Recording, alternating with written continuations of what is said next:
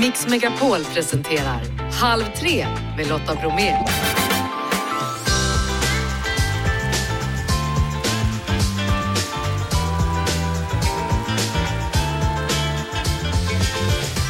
Hallå där och varmt välkommen in i Halv tre-studion. Det är fredag hörni och i dagens mix, inflationen sjunker. Betyder det att allt blir bra igen nu då? May Müller hon tävlar för England i Eurovision, hon kommer på besök. Och det gör också Cherry, som ni säkert sett i Så mycket bättre. Och nu är hon aktuell i programmet Songland. Mackan har tips på vad vi gör med vårprimörerna. Vi räknar också decimaler till pi och alldeles strax så berättar Erik Sade om Let's Dance återkomsten. Och självklart så fortsätter vi Mix Megapol Topp 1000. Nu kör vi! Hög tid för att kolla läget med Erik Sade. Kristin Kaspersen är ju programledare ihop med David Lindgren i Let's Dance på lördagarna. Men inte denna vecka för då dyker han nämligen upp, Erik Sade. Vi måste kolla hur han mår. Hallå Erik! Charlotta! Tja Erik, hur är läget? Det är bra, hur är det själv? jo, det är bra så det. Eh, hur känns det att vara tillbaka i Let's Dance-studion? Först när jag kom in så var det faktiskt med en skräckblandad förtjusning. Typ. Jag, jag höll på att vända i dörren. Men jag, eh, nu tycker jag det är superkul. För först så tänkte jag ju liksom att okej, okay, ska jag ge mig in i det här nu igen och dansa? Men sen så insåg jag att nej, men programlederi är ganska härligt för då, då, då kan man vara lite mer lättsam. Liksom. Ja. Inte behöva stå och svettas sju dagar i veckan. Liksom. Du vann ju faktiskt förra året. Alltså... Mm. mm just det. Så, så, exakt, jag nästan, eh, det har gått så fort. Det känns som att det var igår. Men Eh, det var kul. Det var mer än vad jag hade räknat med. Vad har du den där glasskon numera? Den står i, i ett av fönstren hemma faktiskt. Är den belyst eller får den bara stå där och samla damm? Nej, den är inte belyst, men den står faktiskt ganska bra. Jag, jag, jag tycker liksom att den står där folk ser den. När du då kom tillbaka till Let's och började känna det här, vad är det du känner då? Känner du, åh, ska han sitta på hörnan och vara på dåligt humör idag eller? Alltså för mig så är det klart att den studion förknippas ju med både massa känslor och, och ångest och, och äh, även en massa kul. Det är väl det att när man hör den här jingeln gå igång vid resultatshowen då, det är klart att det, det vrider sig lite i magen för jag stod ju där själv förra året. Vet hur det är liksom. Så att, men det är väl också bra på ett sätt när jag ska programleda det. Jag vet exakt hur de andra äh, känner sig. Ja, har du dansat sedan dess? Um, nej, det skulle jag inte påstå. Alltså inte mer än när man liksom är på krogen och kanske är lite rund om fötterna. Liksom. Mm. Mer än så har jag inte dansat. Mm. Vilken var eller är din favoritdans som du fick lära dig under den där tiden? Favorit? Ja, Paso Doble kanske. Den är väldigt så här kraftfull och det tycker jag om. Sen så var det ju extra roligt kanske när vi fick göra showdanserna och contemporary för då var det ju lite mer det som jag kanske kände att jag eh, behärskade lite mer än mm. tio dans. Man är nyfiken i alla fall. Kommer du dansa imorgon kväll? Ja, men lite dans blir det faktiskt. Jag och, och David eh, bjuder upp varandra lite. Det blir kul. Är det David som du får hålla till godo med imorgon eller kommer din gamla danspartner att ta dig i handen? Det ryktas om att Katja är i studion, det är allt jag vet. Men annars så tror jag att det blir jag och David som håller hand ja. mest imorgon faktiskt. Jag önskar dig stort lycka till imorgon då och eh, ha kul. Nu kan jag verkligen säga det för nu behöver du inte oroa dig för poäng. Nej precis, jag ska verkligen ha kul nu. Du, det vore kul om du kom förbi så småningom här när du har kanske något nytt att spela eller något nytt att berätta. Du är varmt välkommen. Ja men tack, det ser jag också fram emot. Ja, sköt om dig Erik Sade och ha kul imorgon då på Let's Dance. Tack så mycket. Halv tre med Lotta Bromé på Mix Megapol. Hörrni, snart är det dags för Eurovision och vi har spelat den här låten och pratat om den tidigare i halv tre. Då handlar det om May Müllers låt I wrote a song och nu är hon här. Varmt välkommen! Thank you so much, I'm happy to be here. Förra året så var det ju Sam Ryder, Spaceman, han kom ju högt upp bland bidragen och det känns lite grann som att England har skärpt till sig med sina bidrag och tar tävlingen lite mer på allvar. Yes, no, I think you're absolutely correct. I think Sam Ryder doing such a good job last year really changed the way people, especially in the UK, viewed Eurovision. And there's so much talent in the UK. So I feel like it's about time, you know? Mm. Hon tycker att det är dags att man börjar ta den här tävlingen på lite större allvar då i England eftersom man där har en stor och stark musikkultur. I den svenska melodifestivalen där är det ofta så att det kommer nya artister som får en break men hon har ju faktiskt redan haft sitt break, hon är ju redan en etablerad artist. Toured a lot, I've performed a lot, I've had, you know, singles, but I feel like this. You know, Eurovision just feels like something I've never ever done before, a one in a million kind of experience, and something that I just, you know, obviously couldn't say no to. And I feel like it, it's allowed me to connect with so many more people Hon har ju en femårig karriär då, hon har slagit igenom stort både i Kanada och i USA, varit med på Jimmy Fallons show till exempel och flera andra tv-shower. Men hon känner att det här är ännu större, för det är ju så att eh, Eurovision då är det största tv-eventet överallt och hon hoppas ju på att hon ska nå en än större publik nu då. Jag brukar ju ofta säga det att jag tittade alltid på Melodifestivalen när jag var liten, fortfarande liten och tittar. Hur var det för henne då? Har hon någonsin suttit och kollat? I did. I feel like it's always been there. It's such a kind of iconic part of music history. And ever since I could like listen to music, I've been a huge ABBA fan because I used to listen to them with my mum. And just learning that they came from Eurovision, I was like, so what is Eurovision? Like Eurovision must be like huge if ABBA came from Eurovision. Mm. Precis som många av oss andra då så är hon uppvuxen med Eurovision. Hon var ett stort ABBA-fan och när hon fick veta att det var ju faktiskt ABBA, att det var Eurovision som gjorde att de fick sitt genombrott och blev det givetvis ännu, ännu större och stort för henne då att kunna vara med i år. Det är därför man är lite sugen på en svensk vinst i år faktiskt. För i så fall så kommer det hållas nästa års Eurovision i Stockholm och då är det 50 år sedan ABBA vann. You've got a very good chance. I'm not going to lie. I mean, you've got a big banger. So I actually just met her. Before this, I was like hanging out with with with with Loreen. Lorianne. I mean, I think she's amazing. Hmm. So it's you know even more exciting to get to do Eurovision the same year as you know someone so iconic. She's like Beyonce of Eurovision. Ja, Loreen är Eurovisions Beyoncé då, hon är en ikonisk artist, hon har haft glädjen att träffa henne och också se henne uppträda. We think you have an excellent song this year. Thank you, tack. Varsågod. What do you want to tell us about it? Whenever I'm not feeling so great, I feel like writing something which is like the opposite of of what I'm feeling gets me out of that negative headspace. It's about a negative experience, but actually it's about like coming out the other end. Mm, May Müller berättar att den här låten då, hon brukar skriva sina låtar, göra en motsatskänsla till det hon egentligen känner. Och hon visste att även om det här då handlar om ett trasigt förhållande så vill hon att den här låten ska få en att dansa och känna, jag klarade mig ur den här situationen. Vi ska lyssna på den och sen givetvis också önska lycka till inför den stora finalen. Thank you so much. I've had such a good time here. Good. Stockholm is one of my favorite cities, so it's it's been an honor to spend some some time. You know what? I think you can look forward to the final. You're going to do great. Thank you so much. Thank you. Halv tre med Lotta Bromé på Mix Megapol. Mitt emot mig i studion nu artisten, rb drottningen Cherry, Grammisvinnare, hedersprisutsedd, deltagare i Så mycket bättre, syns snart i Songland på SVT. Varmt välkommen.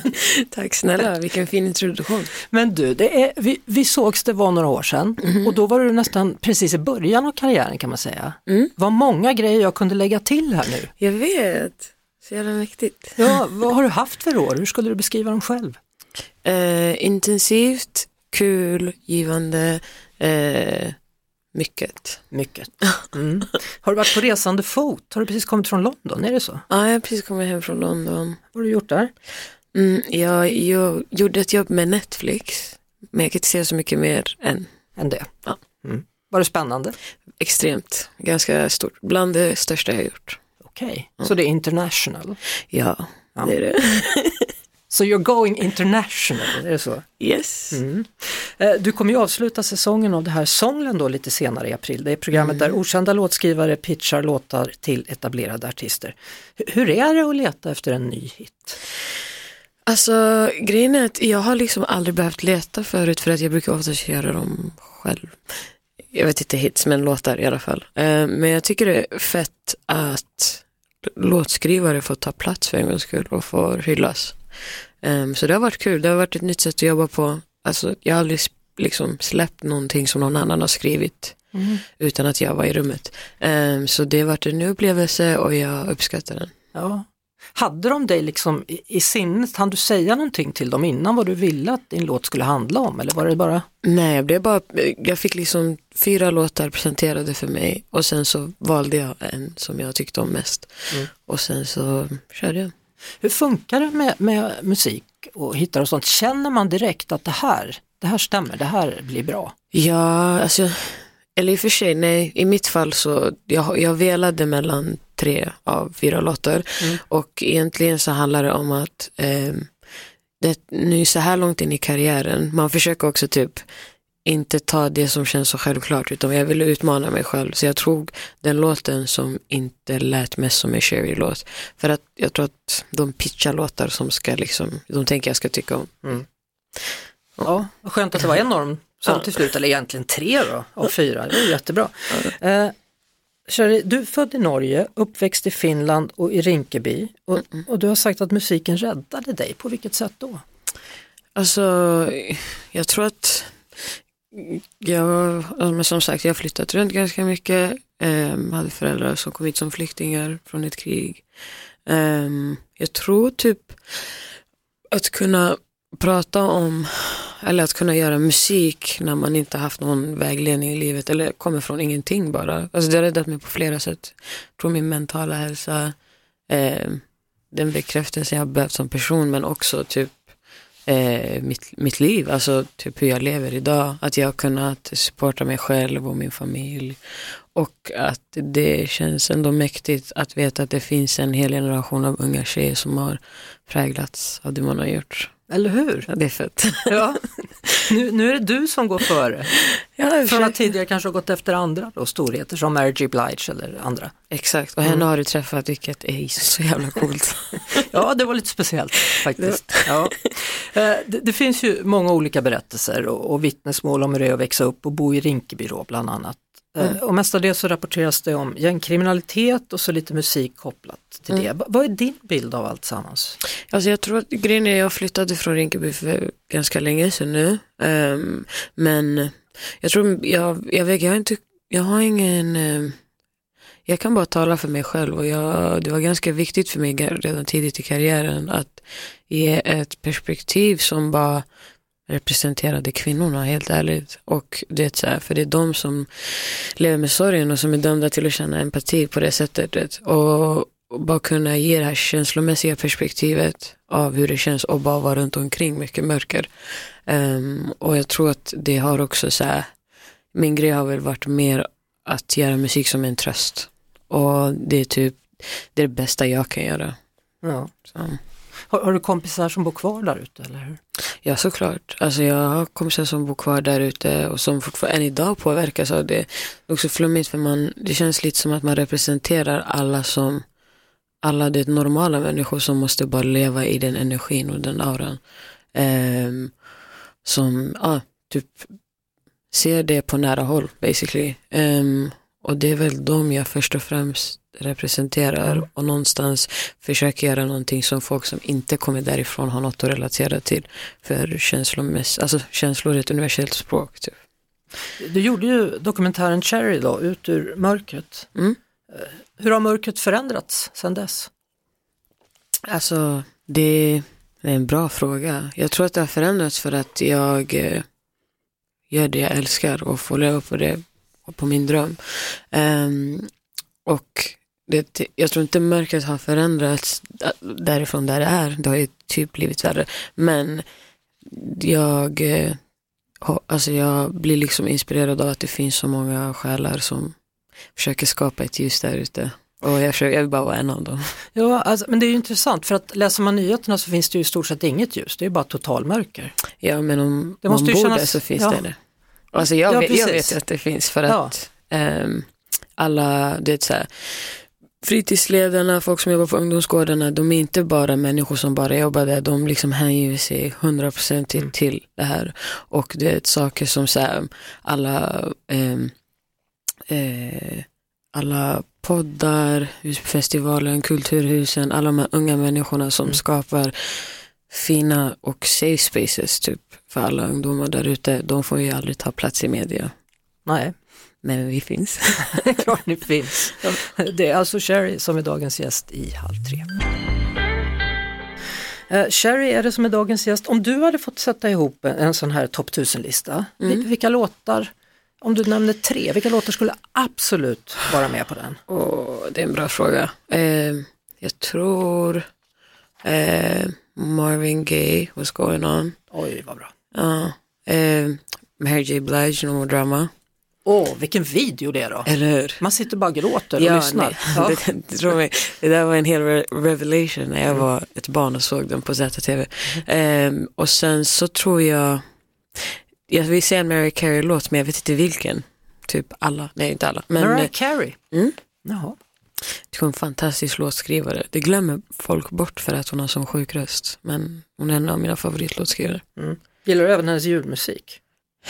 Det är lite trött. Ja. det finns ett, ett gäng låtar till. Du, eh, när kommer du släppa ny musik? För det gör du väl så småningom tänker jag. Ja, jag kommer ju släppa en i samband med Songlen, eh, låten som jag har valt. Och sen så kommer jag släppa singlar över hela året. Jag har ju, jag har liksom släppt så mycket album så jag tror jag ska chilla på det och bara släppa låtar var för sig. Hur, hur långt har du kommit med dem? Ja, det är jag gjorde klart musikvideos redan förra året i Colombia så de ligger klara och redo att gå. I Colombia? Ja. Varför då? Jag reser ganska mycket. Ehm, det är nice med typ kunna komma någon annanstans och skapa liksom visuella projekt som är fina att se på. Eh, för några år sedan då eh, så sa du i en intervju att du ville känna dig hoppfull i ditt genombrott och att du nu var på en trygg plats. Mhm. Hur är det nu? Hur är hoppet inför framtiden? Vad tänker du? Men det är därför man ska manifestera. Jag, nej men jag ska, men jag känner verkligen att jag känner alltså så här, som att jag är på en trygg plats. Jag är väldigt hoppfull inför framtiden. Ehm, ja, så det känns som att alltså, vi är där och vi ska längre också. Härligt! Vet du vad Sherry? Mm. Vet du vem som ligger på plats 321? Nej. Mary J Blige. Hej! Drottningen. Ja, nu kommer drottningen. Inte med vår favoritlåt men Family Affair är inte så dålig den heller. Ja, det är en perfekt låt. Ja. Halv tre med Lotta Bromé på Mix Megapol. Och är det nu så att du har lite tid över, då vill jag ge dig ett alldeles utmärkt poddtips. Cornelia Jacobs. Det som var så häftigt med den liksom lilla första strimman är att eftersom man har eh, varit i mörkret så länge så är det som att ögonen är liksom, eh, har liksom blivit vana vid mörkerseende. Så, så att det krävs en sån otroligt liten sensation av lätthet liksom, efter att man har känt väldigt, väldigt mycket tyngd. Att komma ut ur ett mörker, det är det hon talar om. För så kan det bli när man burit saker inom sig alldeles för länge. Men man kan hitta sitt inre barn, även om det känns som att man tappat bort sig själv. Hon slog igenom över en natt med Hold Me Closer och vann hela Melodifestivalen. Något som hon beskrivit som en resa i en tombola som snurrar runt. Vem snackar jag med? Cornelia Jacobs. Nytt avsnitt ute nu av podden Vem snackar med Lotta? Finns på podplay.se eller i podplayappen. appen Idag så har då SCB presenterat statistik för inflationstakten då under mars månad och som många ekonomer trott så sjönk den. I mars låg den på 8% jämfört med 9,4% i februari. Med oss nu Frida Bratt, sparekonom på Nordnet. Ja du Frida, är det här glada nyheter? Ja, men det tycker jag att det är. Jag tycker att eh, det här ändå ger visst hopp om att det värsta faktiskt är över. Det vill säga att vi har passerat räntetoppen, att inflationen nu kommer att börja falla tillbaka. Sen är ju frågan ja, men hur snabbt eller hur långsamt faller sen inflationen. Men att det kanske vänder neråt nu i alla fall och det är ju positivt. Vad är det som har påverkat att inflationen sjunkit? Framförallt är det ju energipriser som har vänt ner och det kanske man har märkt då. Bor man i villa så ja, då har ju inte elpriserna varit så där skyhöga som man kunde se att de var i december exempelvis. Mm. Eh, Men just att matpriserna fortsätter tyvärr då att eh, stiga. Ja, de fortsätter att stiga också verkar det som. Eller kan man inte få stopp på det här någon gång? Ja, man hoppas det. Förr eller senare så borde det bli så att lägre energipriser slår igenom på matpriserna också så att vi får lägre matpriser. Det är ju så att för har vi stigande energipriser då kostar ju saker allt mer att producera. Men nu när vi ser fallande priser då borde ju det gälla i omvänd riktning också att det borde bli billigare då snart att producera livsmedel exempelvis. Men det där sker med lite fördröjning och än ser vi inte någon sån effekt. Eh, kommer inflationstakten, kommer det fortsätta nedåt tror du? Det tror jag att det kommer att göra, framförallt för att Riksbanken kommer att se till att den gör det med fortsatta räntehöjningar. Jag tror att även om dagens siffra visar då att det går åt rätt håll åtminstone så tror jag inte att Riksbanken kommer att frångå den här inslagna vägen, det vill säga att man är på väg att höja räntan. Man har gjort det kraftigt och kommer att fortsätta göra det här nu i slutet av april, kanske även vid räntemötet i juni och det kommer att bidra till att inflationen faller tillbaka. Kanske på bekostnad då att vi får lite sämre konjunktur helt Mm. Så vad betyder det här för oss eh, konsumenter då? Om det går upp ännu mer, alltså hur ska vi få pengarna att räcka till? Ja, det är en bra fråga. Förhoppningsvis så gör det då att lägre inflation är någonting positivt så att säga. Det är väldigt skadligt för ekonomin med en hög inflation och alla vi som har varit och handlat i någon butik här eh, har ju märkt av eh, det här, de här högre priserna och det är ju det drabbar ju de allra mest utsatta hushållen som måste lägga en stor del av sin inkomst på Mm. just mat och annat. Så förhoppningsvis blir ju det bättre. Men det är ju så att det kommer till priset av högre bolåneräntor exempelvis eftersom Riksbanken kommer att höja räntan. Man gör nog klokt i att eh, räkna med ännu högre bolåneräntor. Men någon gång i sommar så skulle jag ändå gissa att även de har toppat. Så då kanske vi kan vänta oss att det stabiliseras någonstans och inte fortsätter att öka även vad gäller bolåneräntorna. också. Mm. Tack så mycket Frida Bratt, sparekonom på Nordnet. Mat och vin. Ja hörni, nu har vi hamnat i mitten av april och det är då de brukar dyka upp, vårprimörerna. Marcus Frank som är med oss, vad tycker du om vårprimörer? Längtar du varje år eller? Alltså jag älskar det, jag tycker det är så gott och framförallt det är så smidigt, det är billigt, ja men kanon, så här, bra mat i vardagen. Mackans kost heter alltså det Instagramkontot som Marcus har, men nu finns han också här hos oss då på Halv tre och berättar bland annat om vad du tycker om att göra med morötter och rotfrukter. Hur ska man tillreda dem för att få lite variation? Alltså jag förespråkar ju enkelmat, så vi använder ju mycket vår airfryer. Den är en, någonting som används väldigt mycket i vårt hem. Så jag brukar bara liksom skiva upp morötter, potatisar eller andra rotfrukter, ner med dem i en bunke, på med lite olja, skicka in i airfryern eller ugnen då och sen ja, men ta ut, salta eller krydda med något annat gott, kanske lite örter eller så. Det tycker jag är supergott. Det är ju väldigt bra att man kan ta hjälp av rotfrukter och sånt nu när maten har blivit så förbaskat dyr. Mm. Jag tycker det är toppenbra tips, alltså man får ju väldigt mycket mat för billiga pengar. Har du några andra sådana tips nu när saker och ting är som de är? Med två barn och, och familj. Ja, men vi försöker väl eh, storhandla, handla smart, handla efter erbjudanden kanske, jämföra lite mera, planera. Sen brukar jag också alltid ta en sväng förbi svinnlådan i affärerna, för det tycker jag är väldigt bra. Man köper nedsatta varor, dels för att man ja, men räddar mat som slipper slängas och eh, man kan handla liksom till halva priset och sådär. Så det tycker jag är väldigt bra butikerna gör. Det är oftast inget fel på dem. Det, Nej, absolut det kan vara inte. ett kort datum. Alltså. Och även om man inte ska äta det nu så är det perfekt att köpa den där kycklingen eller så slänga in i frysen och sen plockar man fram den när det ska käkas så har man köpt mat till eh, betydligt billigare pris. Du har en specialitet, Mackans potatisar med västerbotten. Mm. Den här är grymt god och eh, den är populär och något som funkar, ja men kanske nu när grillen börjar åka fram eller så, så är det ett perfekt tillbehör till det mesta. Då kokar man såna goda delikatesspotatisar tills de är klara. Man lägger upp dem på en plåt med bakplåtspapper. Sen brukar jag ta ett glas och krossa dem lite grann med liksom undersidan av glaset så de blir, ja men mosas ut lite på plåten. Sen så blandar jag 70 gram smält smör med en riven vitlöksklyfta och riven västerbottenost. Sen bara blandar man ihop det och eh, lägger blandningen på potatisen. Saltar och ringlar över lite extra olivolja. Sen är det bara in i ugnen i ungefär 30 minuter och då blir den sådär härligt krispig och eh, smakrik. Det låter ju supergott. Ja, det är grymt gott. Du älskar verkligen ost och Ja. gratinera saker har jag, har jag lärt mig de här veckorna. Ja, men det är gott och det är smidigt och det får sån god smak. Ja, hur, hur gör du när du tillverkar ett recept? Prövar du dig fram eller? Ja, men det är lite olika. Man kanske har någon idé som man testar sig fram lite och ibland så kan man ju hitta inspiration någonstans och twistar man till det lite på sitt eget sätt liksom och ska passa sina egna smaklökar eller barnens smaklökar. Marcus Frank, vi ses igen om en vecka då. Då ska vi prata om billigt fredagsmys innan lön. Ja, falukorvskebab ska vi göra då. Det är du. Ja. Vi ska prata decimaler nu. De flesta av oss kan förmodligen 3,14 och vi kan också säga att det är det som kallas för pi. Andra de lär sig betydligt fler decimaler. 18-åriga Maria Paulsson från Lund, hon satte faktiskt på pi-dagen rekord i decimalräkning för en svensk kvinna. Och det var en piece of cake för henne eftersom hon använde sig av en speciell minnesteknik. Maria, hur är läget? Det är bra. Ja, Det är fint ser du. Hur gör man för att komma ihåg hela 3652 pi-decimaler? Eh, ja, jag har använt mig av något som kallas det stora systemet där eh, varje siffra motsvarar en bokstav.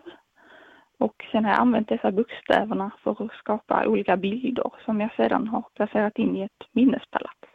När du säger olika bilder, alltså pratar vi ett lejon, en, en, en elefant eller helt andra typer av bilder?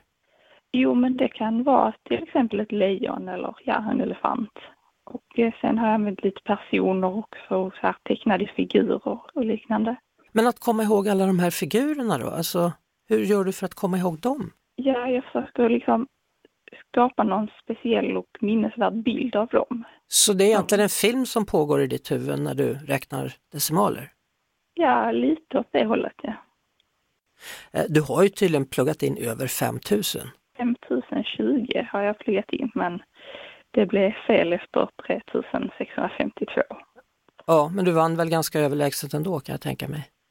Eh, ja, det blev väl nästan tusen mer än den som kom tvåa. Ja, så svenskt rekord har du nu då på detta för damer?